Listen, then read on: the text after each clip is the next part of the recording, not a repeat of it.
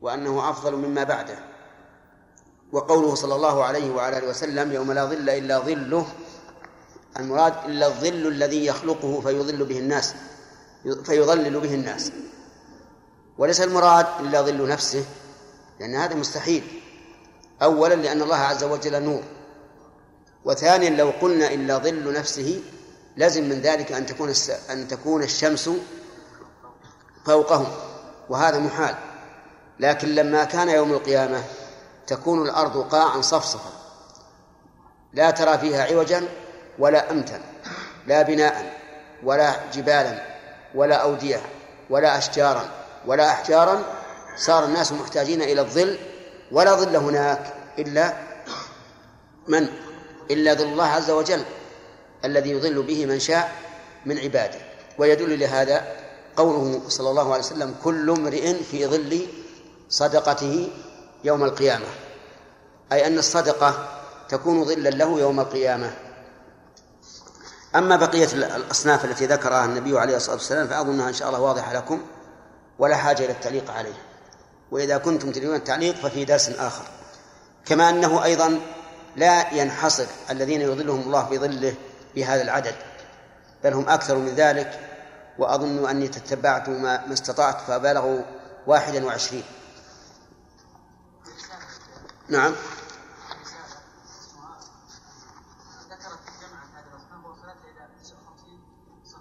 نعم.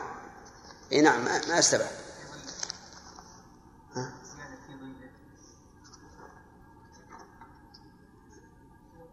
يظن الله يوم لا ظل أظل ما فيها في ظله عندك كان في ظله؟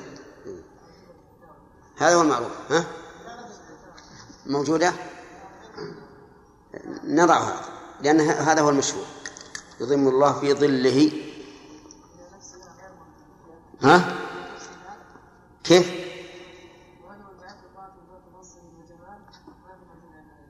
أي حتى أني أخاف الله رب العالمين هذه غير معروفة.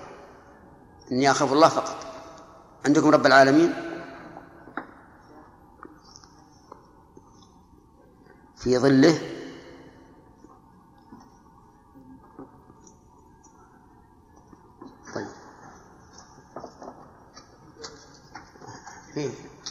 في بالكافي.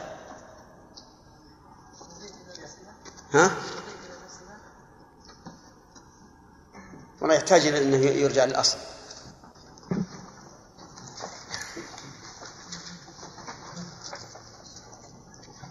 بسم الله الرحمن الرحيم. الحمد لله رب العالمين. والصلاة والسلام على نبينا محمد وعلى آله وصحبه أجمعين. قال المؤلف رحمه الله تعالى وفي صحيح مسلم عن عياض بن حمار رضي الله عنه قال قال رسول الله صلى الله عليه وسلم أهل الجنة ثلاثة ذو سلطان مقسط ورجل رحيم القلب بكل ذي قربى ومسلم ورجل غني عفيف متصدق وفي السنن عنه صلى الله عليه وسلم أنه قال نعم كيف؟ اي نعم.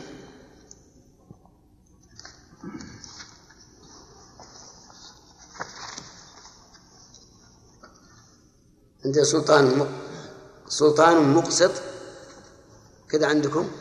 لا ذو سلطان. ذو سلطان مقسط. طيب ورجل رحيم القلب؟ رقيق القلب؟ رحيم رقيق القلب. إيه. بعدها بكل ذي قربى؟ ولا لكل؟ بالباء. نعم. يراجع الأصل. تراجع شيء. يا خالد أو عندك شغل. أي أصل أحسن الله. مسلم. أبشر ما يخالف. نعم. الحديث وفي السنن. سمع ابشر أبشر؟ وفي السنن عنه صلى الله عليه وسلم أنه قال الساعي على الصدقة بالحق كالمجاهد في سبيل الله. وقد قال الله تعالى لما أمر بالجهاد وقاتلوهم حتى لا تكون فتنة ويكون الدين كله لله. وقيل للنبي صلى الله عليه وسلم يا رسول الله الرجل يقاتل شجاعة ويقاتل حمية. ويقاتل رياء فأي ذلك في سبيل الله؟ فقال من قاتل فقال من قاتل لتكون كلمة الله هي العليا فهو في سبيل الله. أخرجاه في الصحيحين. فالمقصود أن يكون الدين كله لله وأن تكون كلمة الله هي العليا وكلمة الله اسم جامع لك وكلمة الله وكلمة الله اسم جامع لكلماته التي تضمنها كتابه. وهكذا قال الله تعالى لقد أرسلنا رسلنا بالبينات وأنزلنا معهم الكتاب والميزان ليقوم الناس بالقسط. فالمقصود من إرسال الرسل وإنزال الكتب أن يقوم الناس بالقسط في حقوق الله وحقوق خلقه. ثم قال تعالى وأنزلنا الحديد فيه بأس شديد ومنافع للناس وليعلم الله من ينصره ورسله بالغيب فمن عدل عن الكتاب قوم بالحديد ولهذا كان قوام الدين بالمصحف والسيف. وقد روي عن جابر بن عبد الله رضي الله عنهما قال أمرنا رسول الله صلى الله عليه وسلم أن نضرب بهذا يعني السيف من عدل عن هذا يعني المصحف. فإذا كان هذا هو المقصود فإنه يتوسل إليه بالأقرب فالأقرب وينظر إلى الرجلين. أيهما كان أق... نعم. ينظر. نسخة نسخة ثانية هي نسخة في لأن في يعني أعم. يعني ينظر في أحوالهما. أيهما كان أقرب إلى المقصود ولي ولي.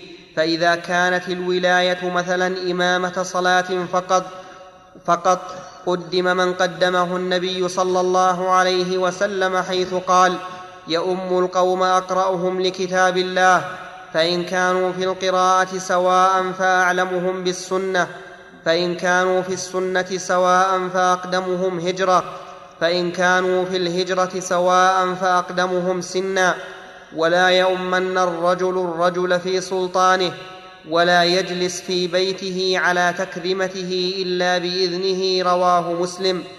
فإن تكافأ, فإن تكافأ رجلان أو خفي أصلحهما أقرع بينهما كما أقرع سعد بن أبي وقاص بين الناس يوم القادسية لما تشاجروا على الأذان متابعة لقوله صلى الله عليه وسلم لو يعلم الناس ما في النداء والصف الأول ثم لم يجدوا إلا أن يستهموا عليه لاستهموا فإذا كان التقديم بأمر الله إذا ظهر وبفعل.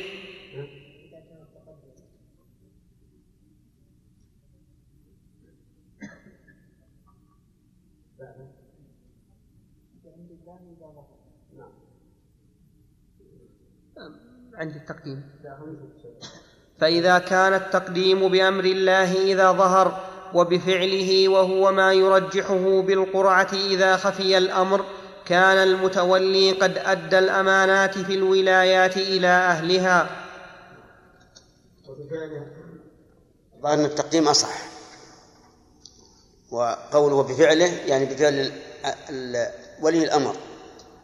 وهو ما يرجحه بالقرأة إذا خفي الأمر يعني أمر الله كان المتولي قد أدى الأمانات في الولاية إلى أهلها. والخلاصة من هذا السابق كله أنه يجب أن يولى في الأمانات من كان أقرب إلى القيام بها. فهناك أشياء نرجح فيها جانب الأمانة وأشياء نرجح فيها جانب القوة بحسب ما تقتضيه الحال. وإذا كان هناك رؤساء ونواب فإنه ينبغي أن نجعل الرئيس ذا قوة ونائبه ذا لين أو بالعكس. حتى تكون قوة قوة هذا تقابل بلين الآخر وكذلك العكس. لأن هذا هو الميزان. والله سبحانه وتعالى يقول لقد أرسلنا رسلنا بالبينات وأنزلنا معهم الكتاب وهو اسم جنس يعني الكتب لأن كل رسول معه كتاب. والميزان يعني ما توزن به الأشياء وهو العدل العدل حتى في الأحكام ولهذا نجعل القياس داخلا في قوله والميزان. ثم قال أنزلنا الحديد لما ذكر إنزال الكتب قال وأنزلنا الحديد فيه بأس شديد. ومع كونه ذا بأس شديد فيه أيضا منافع للناس. فهو صالح لأن يقاتل به فيكون ذا بأس شديد وصالح لأن ينتفع به فيكون فيه منافع للناس. و وكما هذا كما قال جابر رضي الله عنه. قال رضي الله عنه إننا آه، أمرنا أو أمرنا رسول الله صلى الله عليه صلى الله عليه وعلى آله وسلم أن نضرب بهذا من عدل عن هذا. وقاتلوهم حتى لا تكون فتنة ويكون الدين كله لله. وانتهى الكلام على الولايات. فيما يظهر من كلام المؤلف. نعم. أيهم استهموا يعني؟ لا غلط. لا الصواب أن استهموا بالتخفيف. نعم.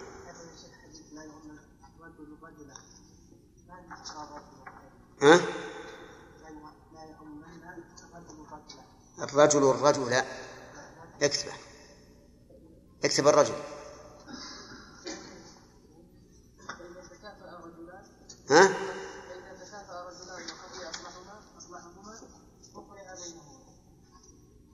فإذا تكافأ رجلان لا. أو خفي. لا الصواب أو.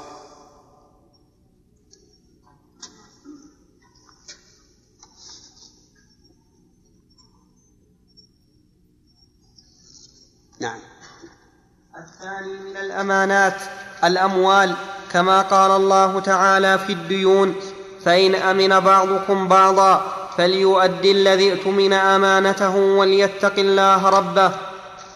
ما يدخل في باب الأموال ويدخل في هذا القسم الأعيان والديون الخاصة والعامة.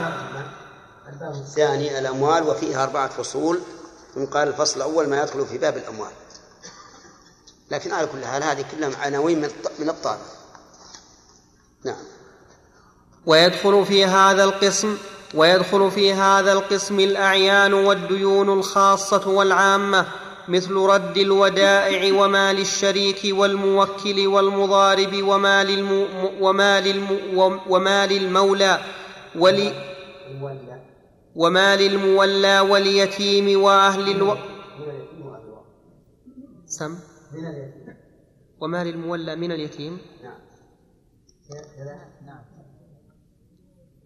من اليتيم.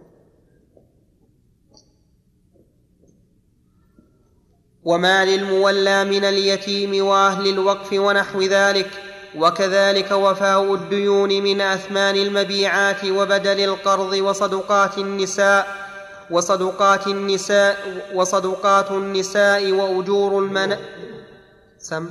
لماذا رفعتها بعد أن نعم. غاب عن بالي الجر. كذلك يعني كذلك صدقات النساء. وكذلك وفاء الديون من أثمان المبيعات وبدل القرض وصدقات النساء وأجور المنافع ونحو ذلك.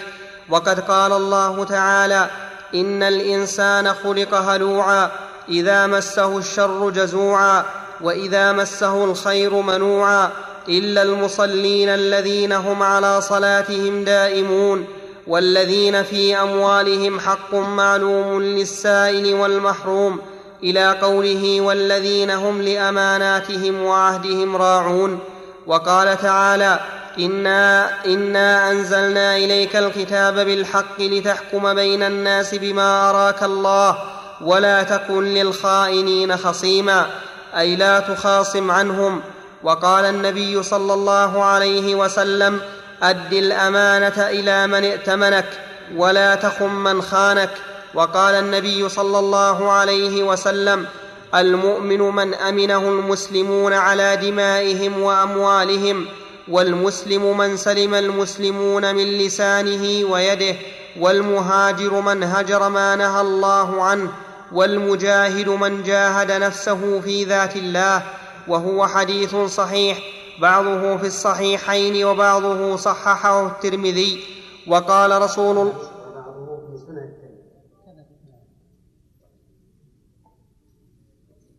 إن صح يا شيخ.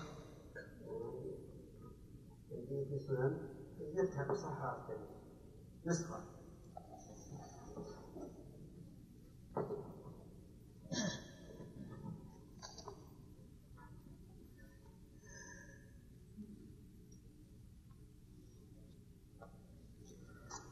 وبعضه في سنن الترمذي وقال رسول الله صلى الله عليه وسلم من أخذ أموال الناس يريد أداءها أداها الله عنه ومن أخذها يريد إتلافها أتلفه الله رواه البخاري. وإذا كان الله قد أوجب أداء الأمانات التي قبضت بحق ففيه تنبيه على وجوب أداء الغصب والسرقة والخيانة ونحو ذلك من المظالم وكذلك أداء العارية. وقد خطب النبي صلى الله عليه وسلم في حجة الوداع وقال في خطبته العارية مؤداة والمنحة مردودة الدين مقضي وز والدين.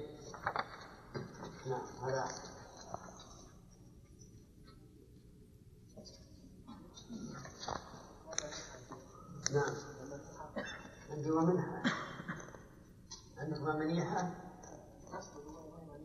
إيش؟ أقول منيحة ولا المنحة؟ نعم.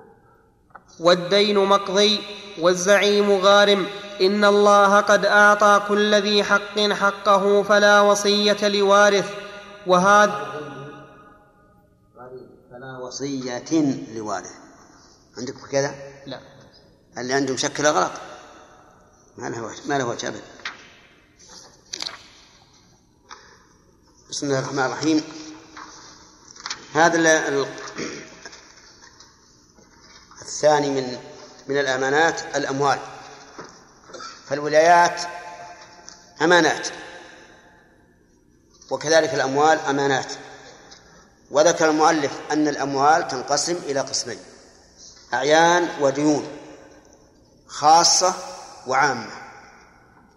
فالأعيان مثل الودائع يعني إنسان أعطاك شيء قال اجعله عندك وديعة. هذا يجب عليك أن تؤدي الأمانة فيه وأن تحفظ هذه الوديعة بما تحفظ به عادة. فلو أعطاك سرة من ذهب وقال هذه عندك وديعة ثم وضعتها في إسطبل الحمار يعني حوش الحمار. هل هذا من أداء الأمانة؟ لماذا؟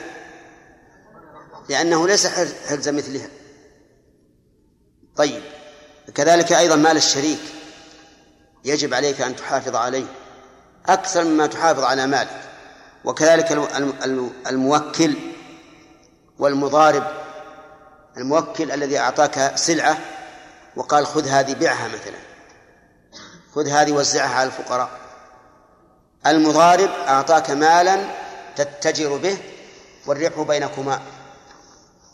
ويسمى عند الناس الآن البضاعة. مال المولى يعني المولى عليه من اليتيم وأهل الوقف كل هذه يجب على الإنسان فيها أداء أداء الأمانة. هذه أعيان ولا أو ديون هذه أعيان. ثم قال وكذلك وفاء الديون. من أثمان المبيعات وبدل القرض وصدقات النساء وأجور المنافع. كل هذه يجب على الإنسان فيها أداء الأمانة. فوفاء الديون يجب عليه يجب على من هي عليه. وفاؤها والمسارعة في ذلك. متى كان قادرا والدين حالا. لقول النبي صلى الله عليه وعلى آله وسلم مطل الغني ظلم. وكذلك بدل القرض. يجب عليك الوفاء من حين أن تقدر عليه. وهل يتعجل القرض؟ فيه قولان للعلماء. منهم من يقول إن القرض لا يتعجل. فلو أقرضتك عشرة آلاف إلى سنة فلي أن أطالبك بها فورا. لأن القرض لا يتعجل واشتراط تأجيله شرط فاسد لأنه مخالف لمقتضى العقد إذ مقتضى العقد عندهم هو الحلول. لكن هذا القول ضعيف. والصواب أن أن القرض يتعجل بالتأجيل. وأن المقترض إذا قال للمقرض أنا ليس عندي شيء الآن ولا أتوقع أن يأتيني مال إلا بعد سنة فقال أقرضتك هذا إلى سنة فالصواب أنه يتأجل وأنه يلزم مؤجلا. أما على المذهب يقول لو قلت خذ هذه مؤجلة إلى سنة فلك أن تطالبه في الحال. ولا شك أن هذا قول ضعيف مخالف لقوله تعالى يا أيها الذين آمنوا أوفوا بالعقود ولأن المقترض قد يتضرر قد يستقرض مثل مائة ألف ويشتري بيتا للسكن. ثم يأتي من الغد ويقول أعطني مائة ألف التي أعطيتك. فإن فإذا أبى حبسه أو شكاه شكاه القاضي وحبس فالمهم أن القرض الصحيح أن يتأجل صدقات النساء يعني مهورهن. يجب على الزوج أن يوفي المهر كاملا بدون تأخير. وهذه وهذه من الديون. وصدقات النساء بالنسبة نحن عندنا في بلادنا هذه ليست من باب الديون في الغالب وإنما هي من باب الأعيان هذا الغالب. وقد تكون دينا لكنه قليل. ثم ذكر المؤلف رحمه الله آيات تدل على وجوب القيام بالأمانة مثل قوله تعالى والذين هم لأماناتهم وعهدهم راعون. يعني يراعون العهد والأمانة. ثم ذكر قوله تعالى إنا أنزلنا إليك الكتاب بالحق لتحكم بالناس بما أراك الله ولا تكن للخائنين خصيما. يعني لا تخاصم عنه. وهذا يدل على أن الخائن لا يجوز نصره إلا على وجه آخر وهو أن نمنعه من الخيانة.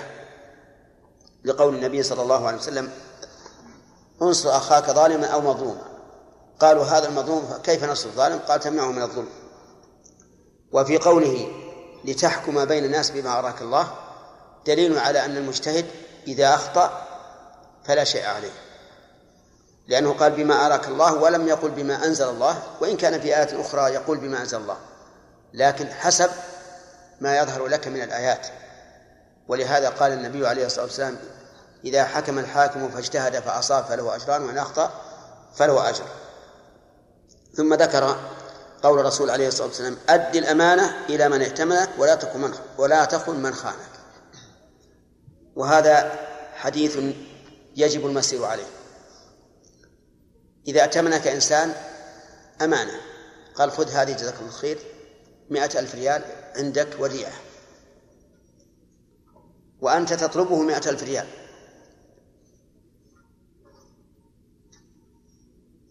فأتيت إليه قلت أعطني مئة ألف ريال اللي عندك. لي قال ليس عندي لك شيء. وأنت ليس عندك بينة بذلك. إذن يكون هو خانك. هل تخونه أنت وتنكر الوديعة التي أعطاك وهي مئة ألف أو لا؟ لا. لا تخن من خانك. أد الأمانة ولا تخن من خانك. وهذا بخلاف الإنسان الذي يلزمه نفقتك ولكنه لم ينفق فلك أن تأخذ من ماله بغير علمه بقدر ما يجب لك من النفقة. وهذه المسألة يعنون عنها الفقهاء بمسألة الظفر يسمونها مسألة الظفر. والصحيح أنها جائزة فيما إذا كان سبب الحق ظاهرا كالنفقة والضيافة فإذا نزل الإنسان ضيفا على شخص ولم يضيف فله أن يأخذ من ماله بقدر الضيافة. ثم ذكر الحديث العظيم الذي رواه البخاري من أخذ أموال الناس يريد أداءها أدى الله عنه. وهذا يشمل أداء في الدنيا وأداء في الآخرة. فإما أن ييسر الله القضاء في الدنيا ويقضي وإما أن يموت قبل أن يقضي ولكن يقضي الله عنه يوم القيامة فيتحمل ما لأصحاب الأموال من الحق.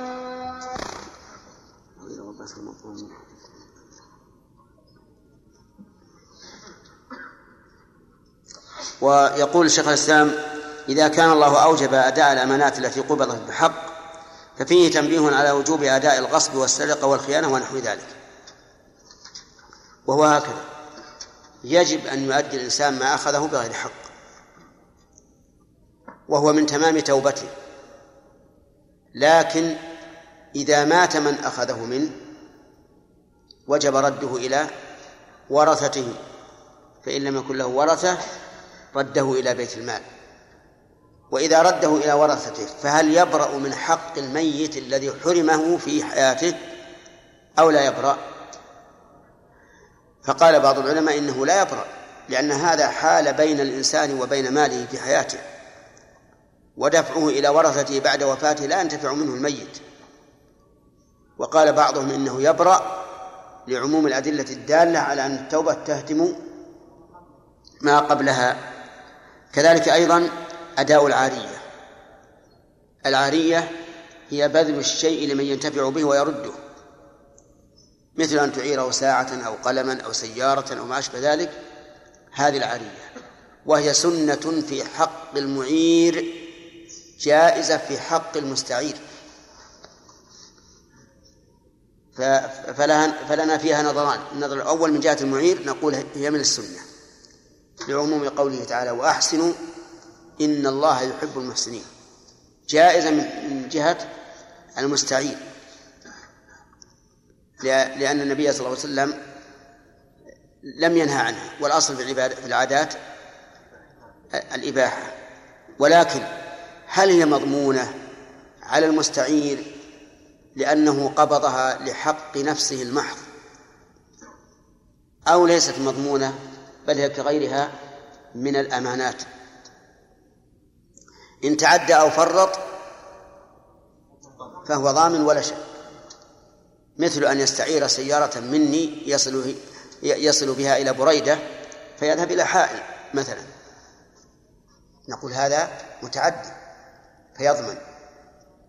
أو مفرط مثل أن يستعير مني سيارة ثم يجعلها في الليل مشتغلة المفتاح عليها فيأتي إنسان ويسرقها. يضمن أو لا؟ ليش؟ لأنه مفرد. طيب.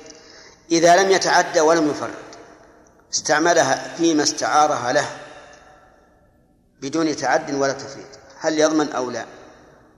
في هذا ثلاثة أقوال للعلماء أو أربعة. بعضهم قال لا يضمن مطلقا لأنه مؤتمن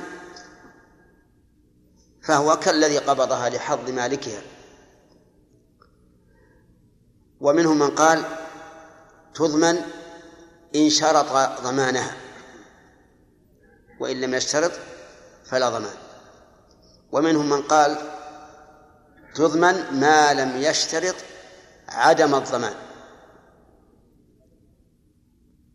عرفتم؟ ومنهم من قال إنها تضمن مطلقا شرط أو لم يشرط حتى لو شرط عدم الضمان فهو ضامن. والصحيح أنها غير مضمونة إلا بتعدي أو تفريط ما لم يشترط عليه الضمان فيقبل. إن شرط عليه الضمان فيقبل فهو ضامن لأنه هو الذي اختار ذلك لنفسه. وقول العارية مؤدات هذا هو الأصل فيها أن تكون مؤدات يعني مردودة إلى صاحبها. والمنحة مردودة أو المنيحة مردودة. المنحة أن أعطيك شاة لمدة أسبوع نحكي إياها. مثل يأتيك ضيوف يحتاجون إلى لبن وأنت ليس عندك شيء. فتأتي إليه فتقول أعطني شاتك أو بقرتك لمدة أسبوع. هذه تسمى منيحة فهي مردودة كالعارية والدين مقضي والزعيم غارم. الزعيم هو الضامن.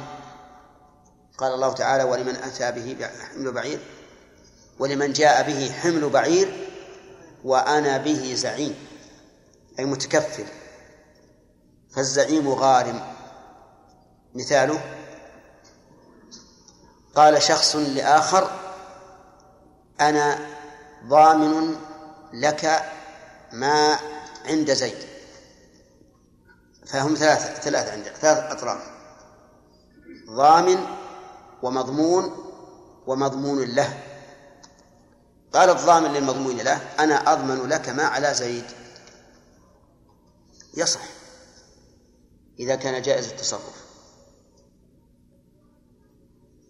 فللمضمون له أن يطالب الضامن أو المضمون إن شاء هذا وإن شاء هذا. وقيل لا يطالب الضامن إلا إذا تعذرت مطالبة المضمون لأن الضامن فرع فلا يصار إليه إلا بعد تعذر الأصل. لكن الصحيح أنه له مطالبة الجميع. ويدل لهذا قوله عليه الصلاة والسلام الزعيم غارم. قال إن الله أعطى كل شيء. وإن الله عندكم وإن ولا إن؟ إن الله قد أعطى كل ذي حق حقه فلا وصية لوارث. الوصية هي هي التبرع بالمال بعد الموت. أو التصرف. أو الت... نعم. هي هي الأمر بالتبرع بالمال بعد الموت. أو أو التصرف على من له عليه ولاية. كالوصية في أولاده الصغار وما أشبه ذلك. فإذا أوصى لوارث فإنه لا وصية له لأن ذلك زيادة على ما فرض الله له أي لهذا الوارث. مثل أن يكون له ثلاثة أبناء أحدهم صغير فهو إذا مات يرثون يرثونه إيش؟ بالسوية ثلاثة لكنه قال وأوصيت للصغير بسدس المال نقول لا لا تصح هذه الوصية. لأنه لو إذا أوصله بالسدس استحق أكثر مما مما جعل الله له فكان في ذلك جور نعم.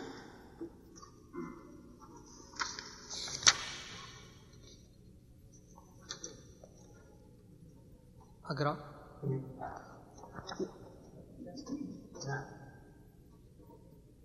ولي من داود إيش؟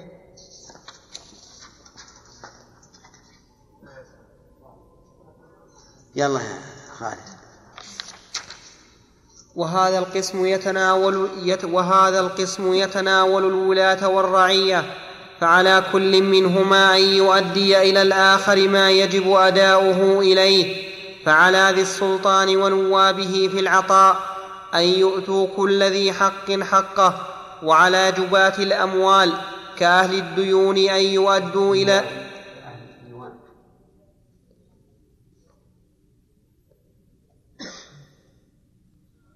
وعلى جباة الأموال كأهل الديوان أن يؤدوا إلى ذي السلطان ما يجب إيتاؤه إليه وكذا إيتاؤه إليه.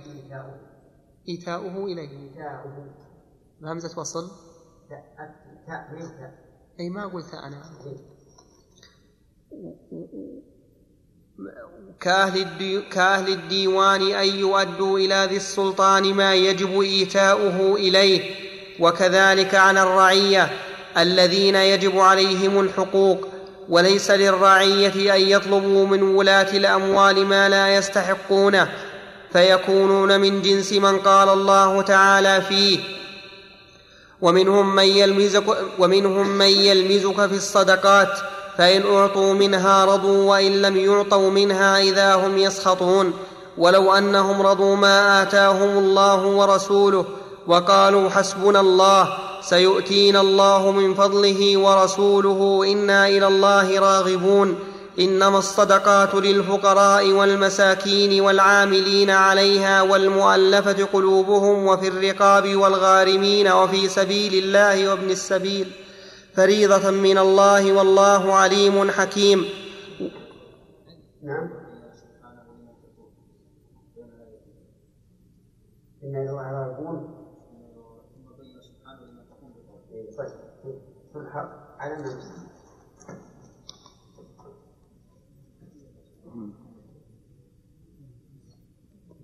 ثم بين سبحانه من يستحقونها ثم بين سبحانه.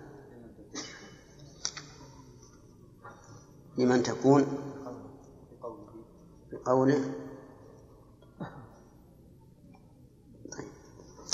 ذكر المؤلف رحمه الله في هذا ثلاث ثلاثة أصناف.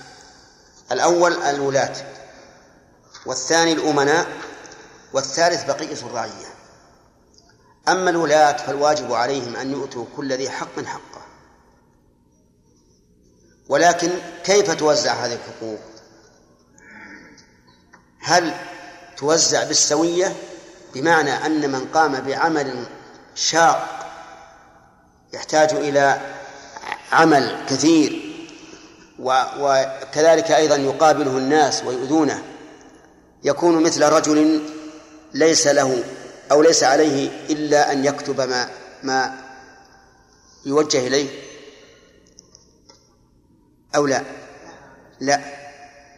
يجب أن يكون أن تكون الوظائف بل أن تكون رواتب الوظائف على حسب هذه الوظيفة حسب حاجة الناس إليها وحسب مشقتها بالنسبة للقائم بها وما أشبه ذلك. لأن وظيفة لا يحتاج الناس إلى مثلها أو وظيفة سهلة لا تحتاج إلى عناء كبير لا يمكن أن تكون مثل وظيفة يحتاج الناس إليها وفيها عناء كبير. هذه واحدة. وعلى هذا فلا بد من تصنيف الناس وتبويبهم وتصنيف الولايات وتبويبها حتى يعطى كل واحد ما يستحق. الثاني بالنسبة للنواب نواب السلطان عليهم أن يعطوا السلطان وأعني بهم نوابه في جباية الأموال. عليهم أن يعطوا السلطان كل ما قبضوا من الناس وألا يكتموا شيئا ولا يجحدوه. فمثلا عمال الزكاة. لو أنهم أخذوا شيئا من الزكاة وجحدوه ولم يعطوه الإمام لقلنا هذا إيش؟ خيانة أيضا. خيانة لمن ولاهم الله عليهم. بالنسبة لعامة الناس يجب عليهم أن يقوموا بما أسند إليهم من عمل وأن لا يطالبوا السلطان بما لا يستحقون. فإن طالبوه بما لا يستحقون كانوا كمن قال الله تعالى فيهم ومن ومنهم ما يلمزك في الصدقات في الصدقات فإن أعطوا منها رضوا وإن لم يعطوا منها إذا هم يسخطون ومن هذا أن يطلب الموظف بدل انتداب وهو لم يتجاوز عتبة بابه. فإن هذا حرام على الموظف طلبه وحرام على ولي الأمر أن يعطيه ما طلب أيضا. ولقد بلغنا أن بعض المديرين ومن هم دون المسؤولين الأعلون المسؤولين الأعلين بلغنا أنهم ينتدبون بعض الناس على لأعمال ليسوا في حاجة إلى الانتداب لها. أو أنهم يكتبون لهم انتدابا وهم لم يجاوزوا بيوتهم. وهذا لا شك أنه حرام على نفس الذي كتب الانتداب وعلى نفس الذي أخذ ما يقابله وهو أيضا خيانة. للدولة وظلم للذي أعطي وهو لم يعمل. ولهذا يسأل بعض الناس المتورعين جزاهم الله خيرا عن هذه المشكلة. ويقول يكتب لنا انتداب ونحن ما عملنا. أو يكتب لنا انتداب عشرين يوم ونحن ما عملنا إلا خمسة أيام. فنقول هذا حرام عليكم أن تأخذوا ما لم تست... ما لا تستحقون.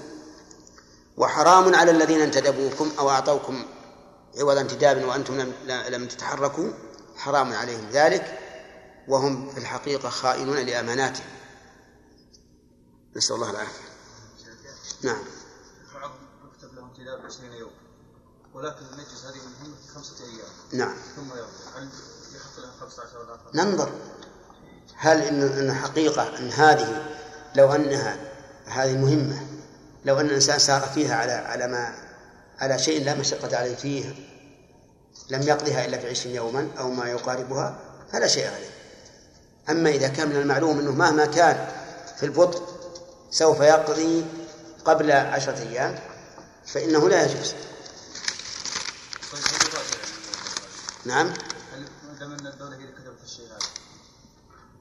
نعم. يقولون نحن من موظفون لا لا. أبدا لو ترتفع إلى اللي فوق ما رضوا لكن هذه من المدير القريب المباشر. نعم. هو لو أمكن أن يرجعه من أجل أن يتبين أن هذا الذي منحه هذا المال أنه ليس بأمين لكان طيبا لكن أخشى أن لا يمكن.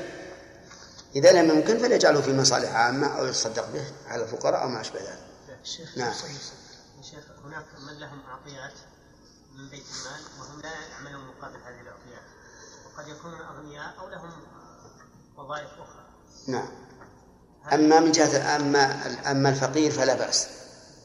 لكن بشرط أنه لم يسألها ولم يستشف لها. هذا اللي يسمونها المناخ. وأما الإنسان الغني فلا يجوز أن يطلبها. وإذا أعطيها فليردها لأنه ما, ما, ما عمل أي عمل. نعم بندر ما يثبت قوله صلى الله عليه وسلم ما اتاك ما ما جاءك جاءك من المال وانت غير سائل ومسلم فخذ نعم. اي لكن هذا هذا في مقابل عمل. هذا في مقابل عمل. وليس هذا من باب يعني المنحة أو أو التبرع. والدولة لو علمت إنه أنه لم أنه لم يستوعب الأيام التي أخذ انتدابا لها ما رضيت. نعم. لكن السؤال الأخ اللي 15 يوم مثلا نعم. وأنجز العمل قبل ذلك. 20 يوما انجزوا بخمس أيام. نعم المسألة انهم يضعون أيام لأنهم لو وضعوا أيام أقل ما أتى ناس لهذا العمل. لا هم يقولون بارك الله فيك. إحنا سألنا مثلا الذي الذي ينتهي بخمسه بثلاثة أيام ويجعلوا له خمسه أيام. ما هو 20 يوم؟ خمسين قالوا إنه لو أعطي انتداب ثلاثة أيام ما طاع. ما يمشي له هذا إذا يكون هذا الانتداب الذي جعل مقابل خمسة أيام كأنه انتداب ثلاثة أيام. كأنه انتداب ثلاثة أيام. لأن يعني هذا أقل ما ينتدب له الناس. مثلا يعني انتداب خمسة أيام لنقل ألف ريال مثلا. دون ألف ما حد رايح. فهذا يكون معناه أن الانتدابات صارت غالية وأن الذي قدرته الحكومة أقل مما مما يريد الناس فلا بأس. ما يرجع لأن هذا هم يقولون هكذا. يقول لو أننا أعطيناه ثلاثة أيام ما مشى. لا سيما إذا كان راتبه قليل. نعم. ثلاثة. الرابع انتهى يلا. ولا لهم أن يمنعوا السلطان ما يجب دفعه من الحقوق وإن كان ظالما كما دفعه؟ ما يجب دفعه إليه من الحقوق. إليه ضرورة لا بد منه ما يجب دفعه إليه من الحقوق. عندك إليه. عقيم؟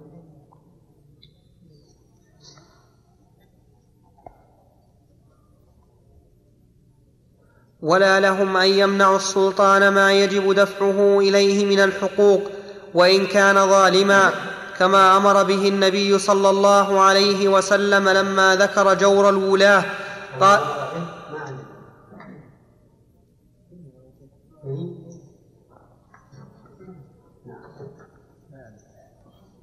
كما أمر به.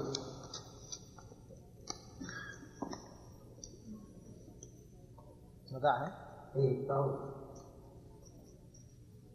على كل فوق والله كما أمر به النبي صلى الله عليه وسلم لما ذكر جور الولاة فقال أدوا إليهم الذي لهم فإن الله, سائل فإن الله سائلهم عما استرعاهم.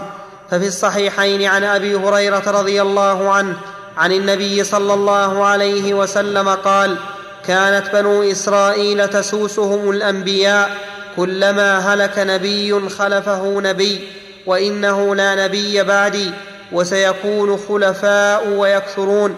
قالوا فما تأمرنا؟ فقال أوفوا ببيعة الأول فالأول ثم أعطوهم حقهم فإن الله سائلهم عما استرعاهم. وفيهما عن ابن مسعود رضي الله عنه. في هذا دليل على أن الشريعة سياسة. لأن الأنبياء اقلب الشريعة. يأتون بالشرائع. من عند الله عز وجل. فالشرائع سياسة لأن فيها إصلاح الخلق في معاملة الله وإصلاح وإصلاحهم في معاملة عباد الله. وهذه السياسة. وهي مأخوذة من سائس الفرس ونحوه الذي يستعمل له ما فيه مصلحته. نعم.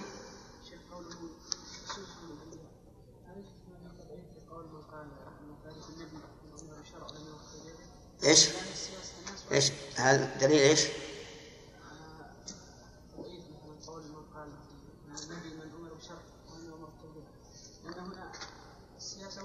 نعم المراد بالأنبياء هنا الرسل مثل قوله إنا أوحينا إليك كما أوحينا إلى نوح والنبيين من بعده ثم قال بعد ذلك رسلا مبشرين نعم نعم من؟ فيهم رسل وفيهم أنبياء. لكن الذي يسوس الناس ويأمرهم بشريعته هو الرسول. نعم. نعم. نعم. عامة. لأن ما فرضوه على الناس وليس بمعصية حقوق واجبة لهم بالشرع. ولو كان ولو ظلما. لكن له أن يفر من الظلم بدون منابذة. مثل لو فرض أنهم جعلوا ضرائب. وأمكن الإنسان أن يتخلص من من هذه الضريبة بالفرار بدون منابذة فلا بأس. وبشرط أيضا أن يغلب على ظنه السلامة. نعم لو إنسان في وظيفة لا تخلو من وجه وجوه فهل يجوز أن يأخذ المال؟ مثل.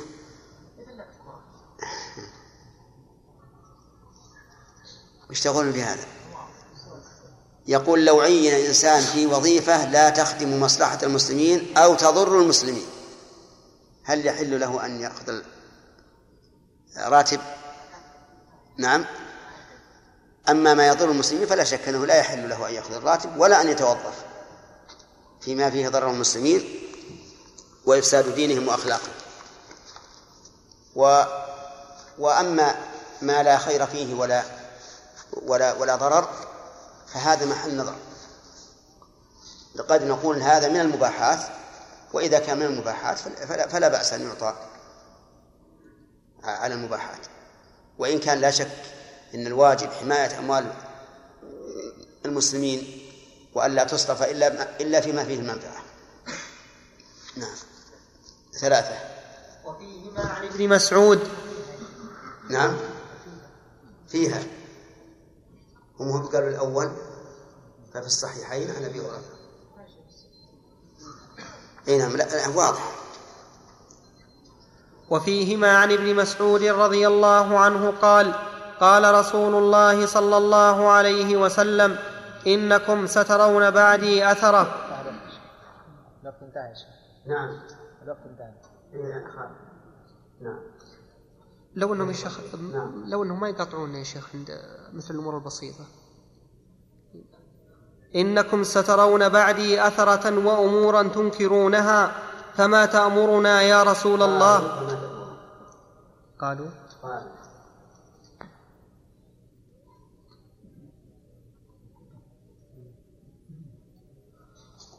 قالوا فما تأمرنا يا رسول الله.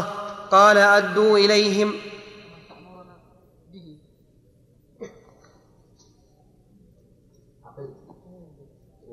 حتى أنا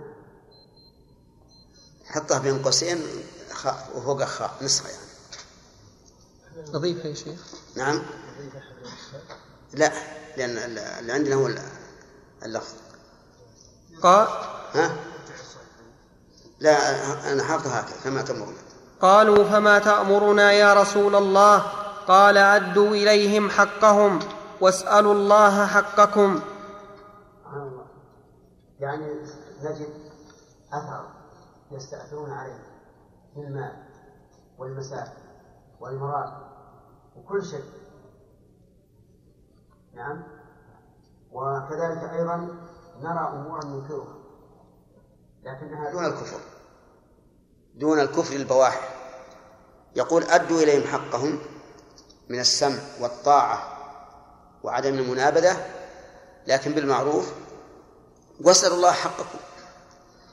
ومن سؤال الله حقنا أن نسأل الله لهم الهداية والتوفيق والقيام بما يجب خلافا لبعض الناس الذين نصفهم بالسفه في الواقع.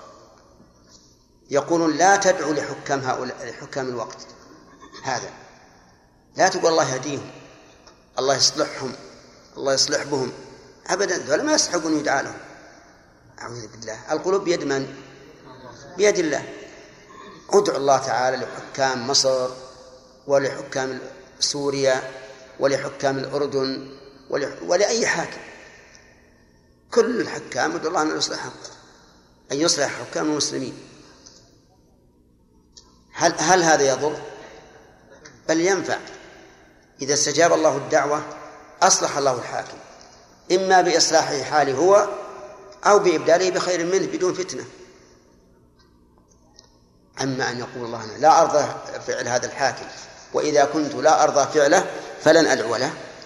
فهذا لا شك أنه من السفه بل ولهذا قال أدوا إليهم حقهم واسألوا الله حقكم. وبماذا يكون حقنا؟ يكون حقنا باستقامتهم وصلاحهم. ومن أسباب استقامتهم وصلاحهم أن ندعو الله لهم. أن ندعو الله لهم. ولو أن الناس مشوا على هذه التوجيهات النبوية لحصل خير كثير واندرأ شر كثير. أن الإنسان يقوم بالواجب عليه ويسأل الله الحق الذي له. حتى لو رأيناهم يستأثرون علينا بكل شيء ما يهم. نحن مأمورون بشيء وهم مأمورون بشيء. انتهى الوقت يا حجاج. طيب. إذا انتهي و... الله إليكم الحديث الذي جلس يبحث الحديث. نعم. ذكرتم لي طلبتم مني بحث الحديث. إي نعم. أهل الجنة ثلاثة. نعم.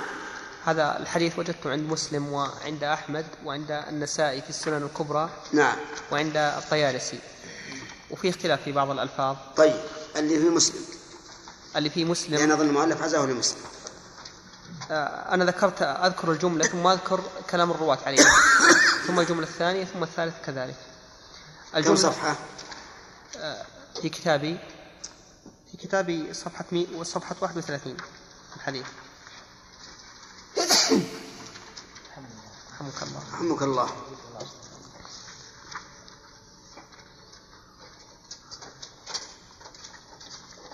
كم كتابك؟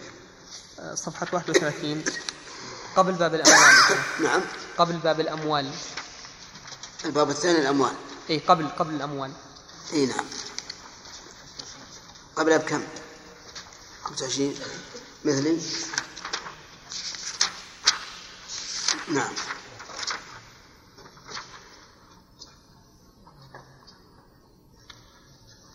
هذا 25 ما هي عندي؟ لا ما النسخة تختلف.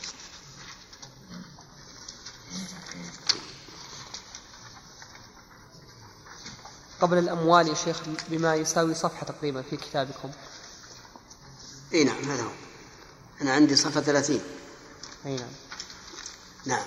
آه، الحديث الجملة الأولى عند جميع الرواة عند مسلم وهي أهل الجنة. أهل أصل الحديث أهل الجنة ثلاثة ذو سلطان مقسط مقسط ورجل رحيم رقيق القلب. ورجل رحي رحيم القلب بكل ذي قربى ومسلم ورجل غني عفيف متصدق. آه طيب. عند مسلم. هذا مسلم. أي هذا في الكتاب. إيه. لا إيه. ما ما عندنا ذو سلطان. عندنا في الكتاب سلطان. لا أنا عندي ذو سلطان. طيب. أعطنا لفظ مسلم بالضبط لأن المؤلف عزاه لمسلم. طيب. لفظ مسلم بالضبط ذو سلطان مقسط متصدق موفق. إيه. عجيب. مش بعد؟ آه هذا عند مسلم. إيه.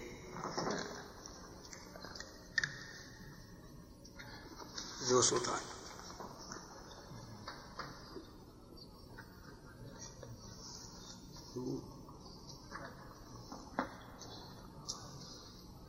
نعم. ذو سلطان مقسط متصدق موفق. آه، آه، فيه رواية أحسن الله إليكم عند الإمام أحمد.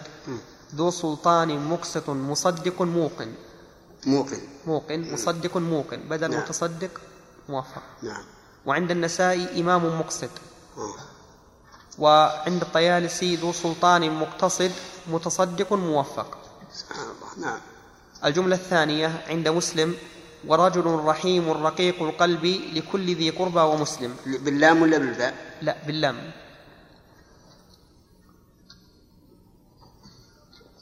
نعم. وعند أحمد في إحدى باللام ها؟ باللام.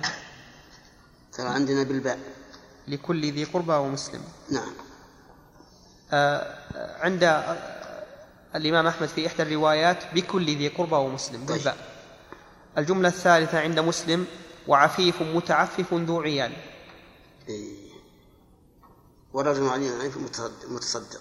أي ما في هذا. اللي عندنا ورجل غني عفيف متصدق. أي لا رجل فيه عفيف متعفف ذو عيال آه عند أحمد رجل فقير عفيف متصدق. وفي الرواية الثانية بتقديم عفيف على فقير ورجل عفيف فقير متصدق. وعند النسائي ورجل غني عفيف متصدق بدل فقير.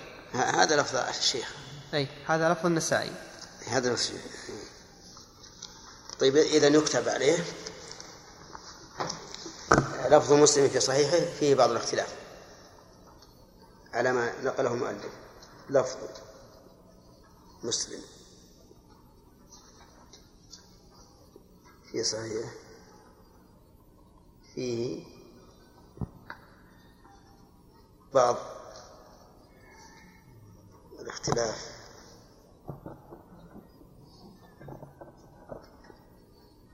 على ما نقله المؤلف رحمه الله.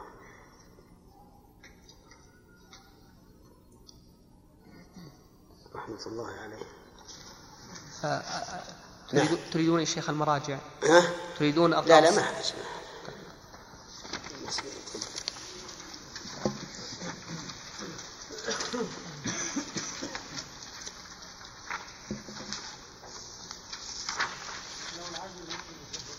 نعم. إيش؟ صفحة ثلاثين. ها يعني في الكتاب. ما أدري والله عند خالد. عند مسلم في المجلد الرابع في رقم الصفحة 2197 ورقم الحديث 2865 في كتاب الجنة وصفة نعيمها وأهلها في الباب السادس عشر. والحديث من طريق عياض بن حمار المجاشعي رضي الله عنه. أحسنت.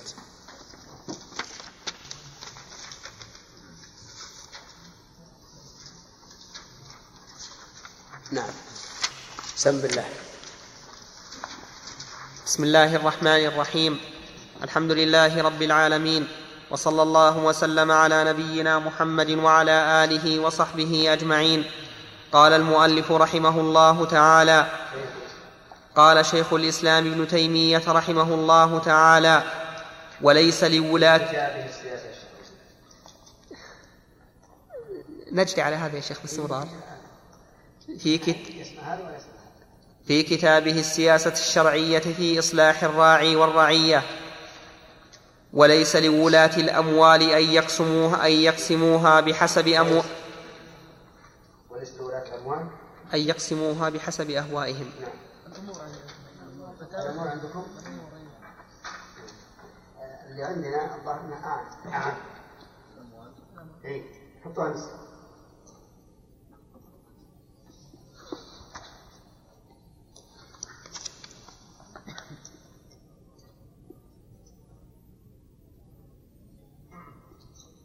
اللي عندنا أعم واللي عندكم أشد. لأن ولاة الأموال يشمل ولي اليتيم وعمال الزكاة وما أشبه ذلك. وكذلك ولاة الأمور. لكن عندكم نعم. وليس لولاة الأموال أن يقسموها بحسب أهوائهم كما يقسم المالك ملكه فإنما هم أمناء ونواب ووكلاء. ليسوا ملاكا كما قال رسول الله صلى الله عليه وسلم إني والله لا أعطي أحدا ولا أمنع أحدا وإنما أنا قاسم أضع حيث أمرت رواه البخاري عن أبي هريرة رضي الله عنه نحوه.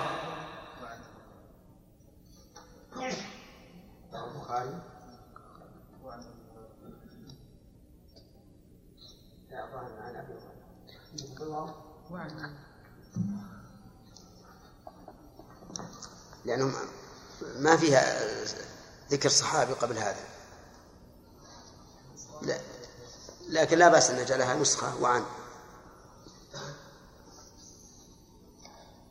عند الإمام أحمد. نحو نعم. عند الإمام أحمد نحو الرواية. عن أبي هريرة؟ نعم. فهذا رسول رب العالمين. قد أخبر أنه ليس ليس المنع والعطاء بإرادته واختياره كما يفعل ذلك المالك الذي أبيح له التصرف في ماله وكما يفعل ذلك الملوك الذين يعطون من أحبوا ويمنعون من أبغضوا وإنما هو عبد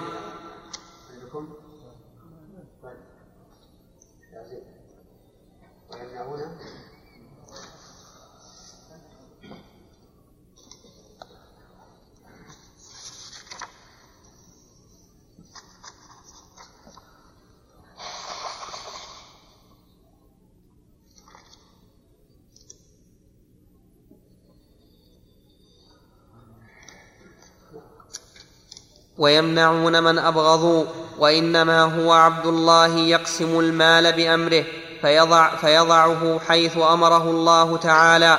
وهكذا قال رجل لعمر بن الخطاب رضي الله عنه يا أمير المؤمنين لو وسعت على نفسك في النفقة من مال الله تعالى فقال له عمر أتدري ما مثلي ومثل هؤلاء؟ كمثل قوم كانوا في سفر فجمعوا منهم مالا وسلموه إلى واحد ينفقه عليهم فهل يحل لذلك الرجل أن يستأثر عنهم من أموالهم؟ وحمل مرة إلى عمر بن الخطاب رضي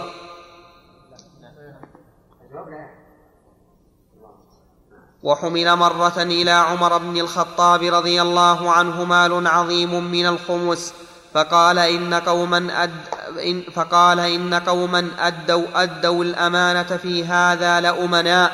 فقال له بعض الحاضرين إنك أديت الأمانة إلى الله تعالى فأدوا إليك الأمانة ولو رتعت رتعوا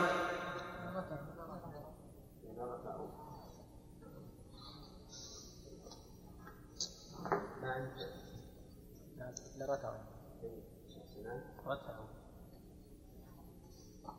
لكن ما ذكر المال العظيم ما هو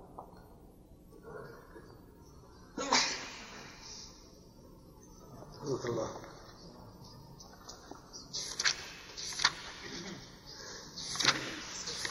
نعم.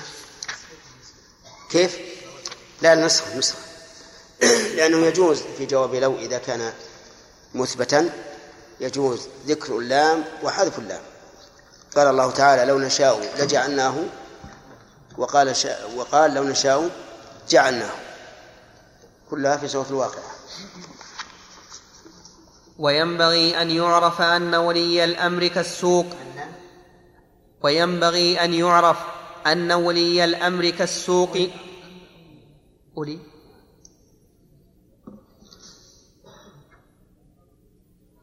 وينبغي أن يعرف أن أولي الأمر كالسوق ما نفق فيه جلب إليه. هكذا قال عمر بن عبد العزيز رضي الله عنه فإن نفق فيه الصدق والبر والعدل والأمانة جلب إليه ذلك وإن نفق فيه الكذب والفجور والجور والخيانة جلب إليه ذلك. والذي على ولي الأمر أن يأخذ المال من حله ويضعه في حقه ولا يمنعه من مستحقه. وكان علي بن أبي طالب رضي الله عنه إذا بلغه أن بعض نوابه ظلم يقول اللهم إني لم آمرهم أن يظلموا خلقك أو يتركوا حقك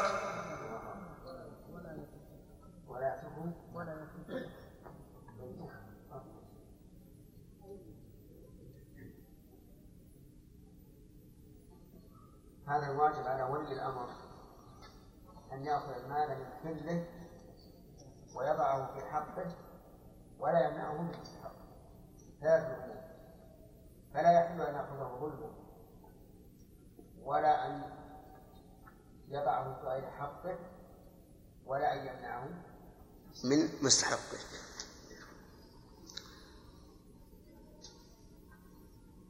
وما قاله عمر بن عبد العزيز حكمة عظيمة. أن ولي الأمر كالسوق. إن نفق فيه البر والصدق والأمانة وإعطاء الحقوق صارت الرعية كذلك. وإن نفق فيه الكذب والخيانة والظلم والجور صارت الرعية كذلك.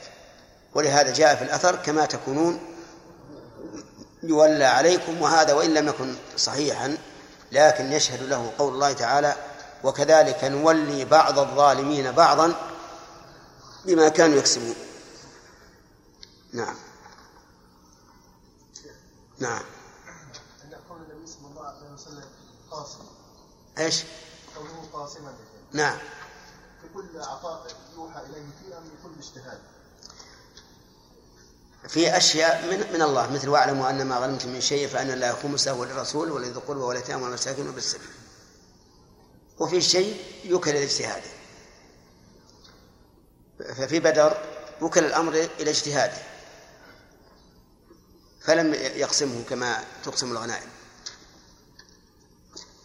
فالمهم انه هذا إما منصوص إما أن يكون منصوصا عليه وإما أن يوكل إلى اجتهاده. نعم. أقرأ. نعم. في الأموال السلطانية. الفصل الثاني أصناف الأموال السلطانية. الغنيمة. لا. عندي الفصل الثاني في الأموال السلطانية. ثم الأموال السلطانية التي أصلها في الكتاب والسنة ثلاثة أصناف. لا هذه من, من الأصل. هذه ما هي ما هي بعنوان. مين من الشيخ؟ عندنا عنوان. الفصل الثاني أصناف الأموال السلطانية. ثم بين قوسين الغنيمة. لا لا.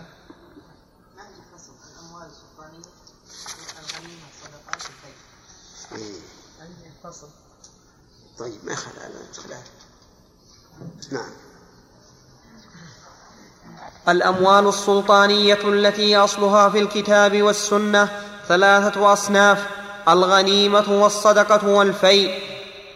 واحد الغنيمة. فأما الغنيمة فهي المال المأخوذ من الكفار بالقتال ذكرها الله في سورة الأنفال التي أنزلها الله في غزوة بدر وسماها أنفالا لأنها زيادة في أموال المسلمين. فقال تعالى فقال يسألونك عن الأنفال قل الأنفال لله والرسول إلى قوله واعلموا أن ما غنمتم من شيء فأن لله خمسه وللرسول ولذي القربى واليتامى والمساكين وابن السبيل وقال في أثنائها فكلوا مما غنمتم حلالا طيبا و... وقال فكلوا. نعم. ها؟ كيف؟ والرسول. لا ما فيها. ما فيها لا. لا ما فيها. لا والرسول. نعم. إيش؟ ما ادري القراءة الثانية ولا اللي في المصحف والرسول. وقال في أثنائها فكلوا مما طيب الآن الخمس الآن صار يقسم على خمسة. لله والرسول ولذي القربى واليتامى والمساكين وابن السبيل. وأربعة أخماس تقسم بين الغانمين الذين شهدوا الوقعة للراجل سهم وللفارس ثلاثة أسهم سهمان له سهم له وسهمان لفرسه نعم قلنا بالنسبة للطيارين انه يقاس على الخيال نعم. نعم. يكون له هو. لمن؟ ل- للخيال نعم. يعني المجاهد نعم. ليست للطيار إيه. الطيارة للدولة أو لل- إذا كانت الدولة فيكون سهمها لبيت المال. نعم. وقال في أثنائها فكلوا مما غنمتم حلالا طيبا واتقوا الله إن الله غفور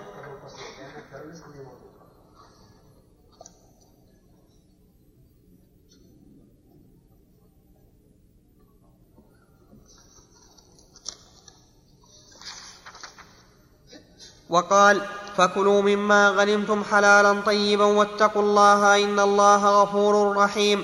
وفي الصحيحين عن جابر بن عبد الله رضي الله عنهما أن النبي صلى الله عليه وسلم قال أعطيت خمسا لم يعطهن نبي قبلي نصرت بالرعب مسيرة شهر وجعلت لي الأرض مسجدا وطهورا فأيما رجل من أمتي أدركته الصلاة فليصل وأحلت لي الغنائم ولم تحل لأحد قبلي وأعطيت الشفاعة وكان النبي يبعث إلى قومه خاصة وبعثت إلى الناس عامة. وقال النبي صلى الله عليه وسلم بعثت بالسيف بين يدي الساعة حتى يعبد الله حتى يعبد الله وحده لا شريك له وجعل رزقي تحت ظل تحت ظل رمحي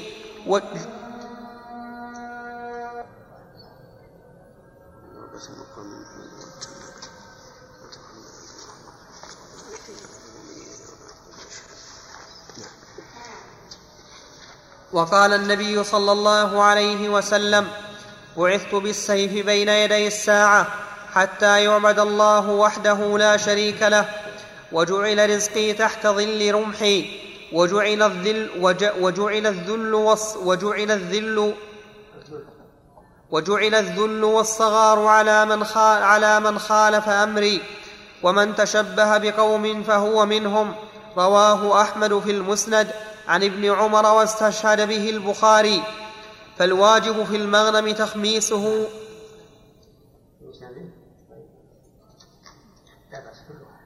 فالواجب في المغنم تخميسه وصرف الخمس. قال شيخ الاسلام رحمه الله في هذا الحديث في كتاب اقتضاء الصراط المستقيم إن سنده جيد.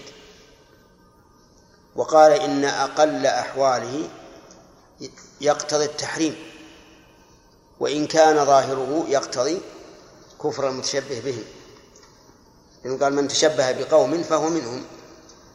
فلو أخذنا بظاهره لكان المتشبه بقوم يكون كافرا.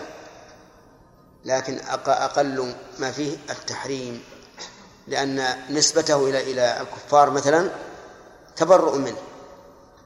بمنزلة قوله ليس منا. وعلى هذا فيكون التشبه بالكفار حراما من كبائر الذنوب. ولكن يبقى النظر ما هو ما هو حقيقة التشبه؟ حقيقة التشبه أن يتزيى الإنسان بما يختص بهم. أن يتزيى بما يختص بهم. في اللباس أو أو المركوب أو غيره. فأما إذا تزيى بما يعمهم ويعم المسلمين فهذا ليس بتشبه وإن كان أصله منه. كما نص على ذلك أهل العلم كالإمام مالك وحجر في فتح الباري وغيره. نعم. قول النبي صلى الله عليه وسلم أعطيت خمسا لم يعطهن أهل قبلي نعم. بعض هذه الخمس خاص بالنبي صلى الله عليه وسلم كالشفاعة وكونه باعث الناس عامة وبعضها عام بالأمة كالتيمم. هل مصيبة الوضوء هل هو من خاص عليه وسلم أم يعم الأمة؟ الظاهر إنه عام. نصرة بالرعب وأن من قام بشريعته وجاهد بجهاده فإن عدوه مرعوب منه. الآن على ما في المسلمين من الضعف. نجد نجد أن الكفار مرعوبين من المسلمين. على ما فيه من الضعف. وما هذا الهجوم الشرس على الجماعات الإسلامية إلا خوفا من إيش؟ من المسلمين. يخافون أن يعود الإسلام كما كان ثم تتزلزل, تتزلزل أقدامه. فكلها فهي عامة إلا الشفاعة والبعث. فمعلوم أن البعث خاص به ليس بعده رسول وكذلك الشفاعة العظمى خاصة به عليه الصلاة والسلام. شراف بارك الله فيكم. التكلم بلغتهم بغير حاجة. التكلم بلغتهم بغير حاجة هذه إذا كان المقصود بذلك تعظيمهم. والافتخار بلغتهم فهذا أشد من التشبه بهم. وإذا كان يفعل ذلك عبثا فإن هذا لا, لا يعتبر تشبها.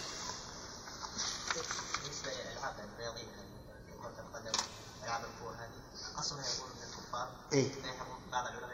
لا ما هو صحيح. لأنها الآن انتشرت. اي ولو كان اصل من عندهم. إذا كان الاصل من عندهم ثم انتشر وشاع زال التشبه لأن معنى التشبه أن هذا شبيه هذا. والآن إذا كان عامة المسلمين يعملونها ما, ما صار تشبها لم يكن تشبها نعم. في عندنا الرياضة في عندنا أصلها من الغربيين يعني إذا كان صار صار عليه المسلمين فالواجب في المغنم تخميسه وصرف الخمس إلى من ذكره الله تعالى. وق وق وق وقسمة الباقين بين ال... الباقي ولا الباقي؟ الب... الباقين عندي. الباقي. البقية؟ الباقي. إذا عندنا نسختان الباقي. عندنا الباقية. الباقي بالألف أقرب أقرب من كل الصحة الباقي. وصح صح نصحح الباقي؟ إي نعم. يا شيخ. نعم. مصححها هنا الباقي. الباقي. طيب. نعم. فالواجب في المغنم تخميسه وصرف الخمس إلى من ذكره الله تعالى. وقسمة الباقي بين الغانمين. قال عمر بن الخطاب رضي الله عنه الغنيمة لمن شهد الوقعة وهم الذين شهدوها للقتال قاتلوا أو لم يقاتلوا ويجب قسمها بينهم بالعدل. فلا يحابى أحد لا, ل... لا, ل... لا لرياسته ولا لنسبه ولا لفضله كما ك...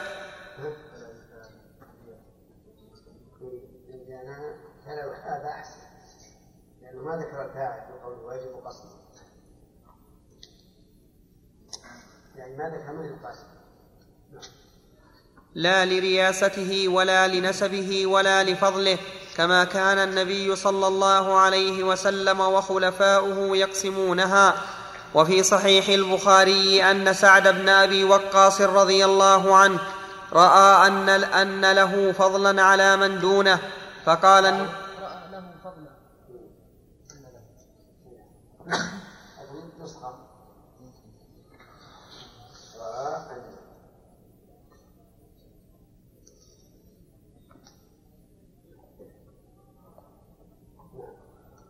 رأى أن له فضلا على من دونه فقال النبي صلى الله عليه وسلم هل تنصرون وترزقون إلا بضعفائكم؟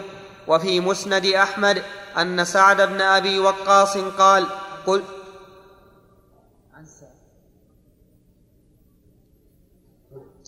وفي مسند أحمد أن سعد بن أبي وقاص قال قلت يا رسول الله الرجل يكون حامية القوم يكون سهمه وسهم غيره سواء. قال ثكلتك أمك ابن أم سعد. فوهل ترزقون وتنصرون إلا بضعفائكم? هذا الحديث أحسن الله إليكم. ذكر في هذا الكتاب المحقق بأنه ليس سعد بن أبي وقاص إنما هو سعد بن مالك والد أبي سعيد الخدري. لا الحديث الثاني. يكون حامية القوم. إيه. أي نعم. يرجع إلى المسلم سم؟ يرجع إلى المسلم ما يحتاج يعني يشوف هذا؟ لا. سم. يرجع إلى المسلم شوف يمكن يمكن رواية ثانية. سم. أو اختلاف على الرواة.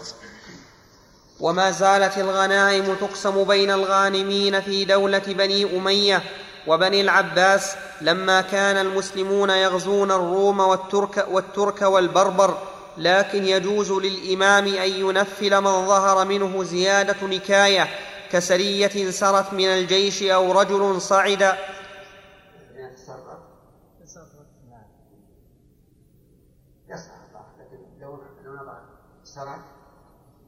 على أنها نسخة ليتبين المعنى أكثر.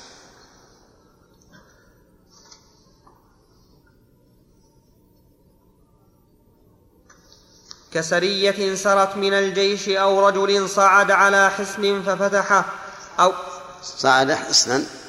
اي والمعنى واحد هذا ما يحتاج إلى. نعم. أو حمل على مقدم العدو فقتله فهزم العدو ونحو ونحو فه- فهزم العدو ونحو ذلك لأن النبي صلى الله عليه وسلم وخلفاءه كانوا ينفلون لذلك. أنا عندي وخلفاؤه.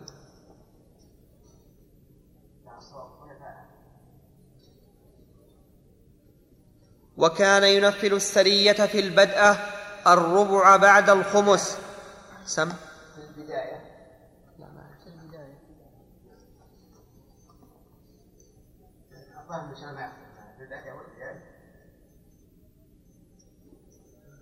وكان ينفل السرية في البداية الربع بعد الخمس وفي الرجعة الثلث بعد الخمس وهذا النفل.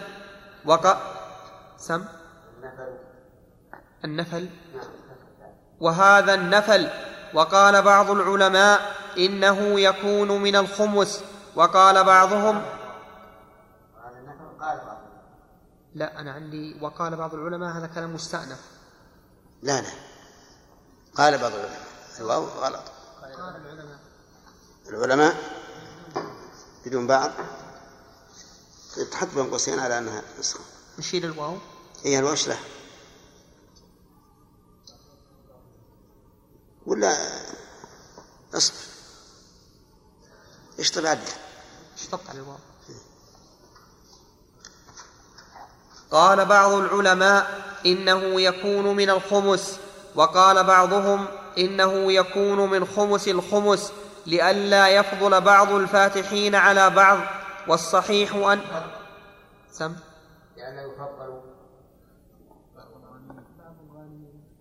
بعض الغانمين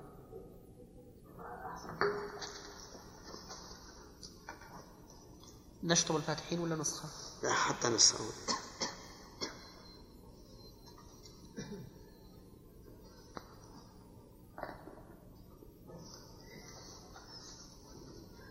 طيب إذا صار صار موضع النفل ثلاثة مواضعه ثلاثة.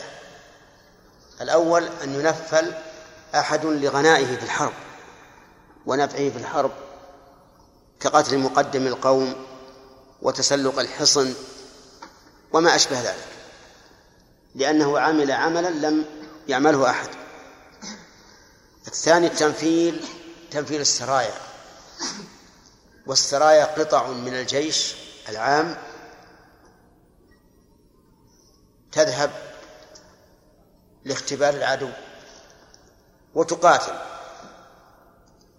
أو بعد الرجوع ترجع إلى العدو لتذفف على من بقي. فعندنا تنفيل السرية في ابتداء القتال وتنفيلها بعد الرجوع. في ابتداء القتال يقول الثلث بعد الخمس. آه نعم. في ابتداء القتال في البداية الربع بعد الخمس وفي الرجعة الثلث بعد الخمس. لأن لأنها في البداية يكون الج- الجيش ردءا لها الجيش وراءها.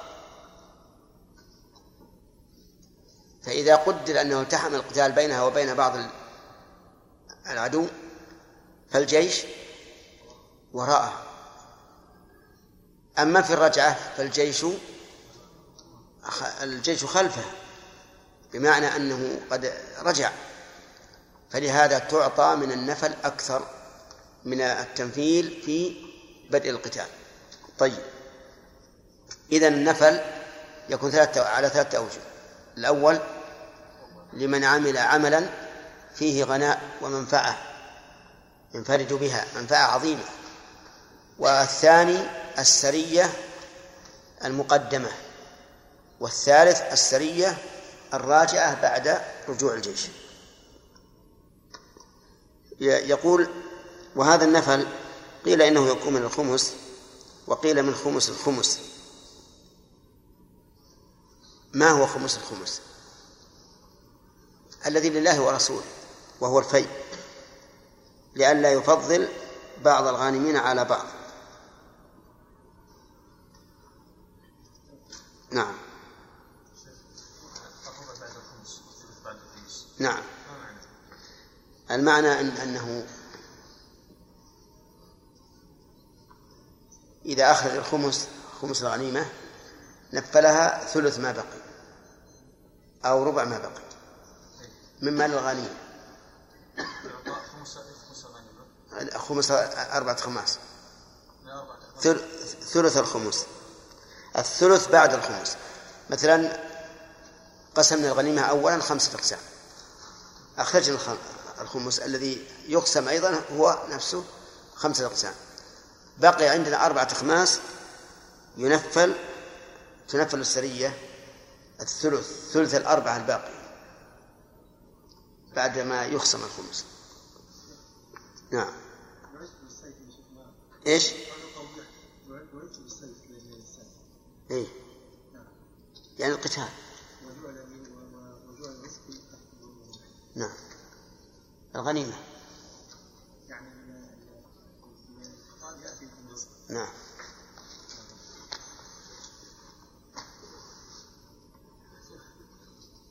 نعم. هذه هذه القسمه بغض النظر عن عدد عدد السرية بالنسبة لعدد الغانمين وعدد الجيش يعني. إيه بقدر النظر ربما ياخذون الغالب يعني. كيف الغنيمة؟ قسمنا لهم الثلث بعد الخمس إيه. إيه نعم. ربما يكون مثلا 10 والجيش 1000 نعم. فيكون أسهمهم كثيره أسهم من؟ هؤلاء هذه النفل لا لا وأصل ما دام نسبي فكلما كثرت الغنيمة كثر سهمه نسبي ما هو شيء مع- مع- معروف. نعم. هو نسبه يا شيخ؟ طيب إذا كان نسبة إذا زاد من جهة زاد من الجهة الثانية. لا أنا أقول لو الجيش عدده كثير. طيب. وهذه سرية واحدة. أي نعم. ما تأتي مثلا بعشر الجيش نعم. تأخذ أكثر الغنيمه أي تأخذ. لا مو أكثر غنيمة تأخذ ما تأخذ ال- ال- الربع أو الثلث يعني هذا الثلث غير نصيبها أصلا. غير نصيبة تشارك الجيش فيما فيما بقي نعم. ثلاثة أخذنا ثلاثة. والصحيح أنه يجوز من أربعة الأخماس وإن كان فيه تفضيل بعضهم على بعض لمصلحة دينية لا لهوى النفس كما فعل رسول الله صلى الله عليه وسلم غير مرة وهذا قول فقهاء الشام وأبي حنيفة وأحمد وغيرهم. وعلى هذا فقد قيل له أن ينفل الربع والثلث بشرط وغير شرط وينفل الزيادة على ذلك بالشرط مثل أن يقول من دلني على قلعة كذا من دلني على قلعة فله كذا ومن جاء برأس فله كذا ونحو ذلك وقيل لا ينفل زيادة على الثلث ولا ينفله إلا بالشرط وهذان قولان لأحمد وغيره وكذلك على القول الصحيح للإمام أن يقول من أخذ شيئا فهو له كما روي أن النبي صلى الله عليه وسلم كان قد قال ذلك في غزوة بدر إذا رأى, إذا رأى ذلك مصلحة راجحة على المفسدة. وهذه المسألة الأخيرة يقول على القول الصحيح. وبعض العلماء يقول لا ليس له أن يفعل هذا لأن غزوة بدر قبل ذكر القسمة الغنائم لكن الذي يظهر أن قول الشيخ رحمه الله هو الصحيح. نعم.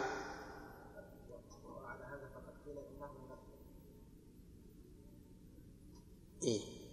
ينفل. نعم. إيه عندنا إنه. وعنده فقد قيل ينفل. ما نعم. كمال. شيخ قد ثبت في غير ما غزوة أن النبي صلى الله عليه وسلم قال من قتل قتيلا فله سلبه نعم. فهل هذا الباب تمثيل يا شيخ؟ هذا نعم نوع من هذا نوع من التمثيل. من التمثيل. من التمثيل. هنا. نعم ميد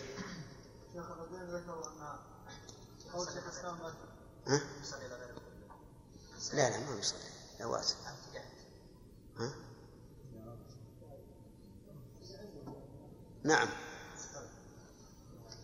يلا يا حميدي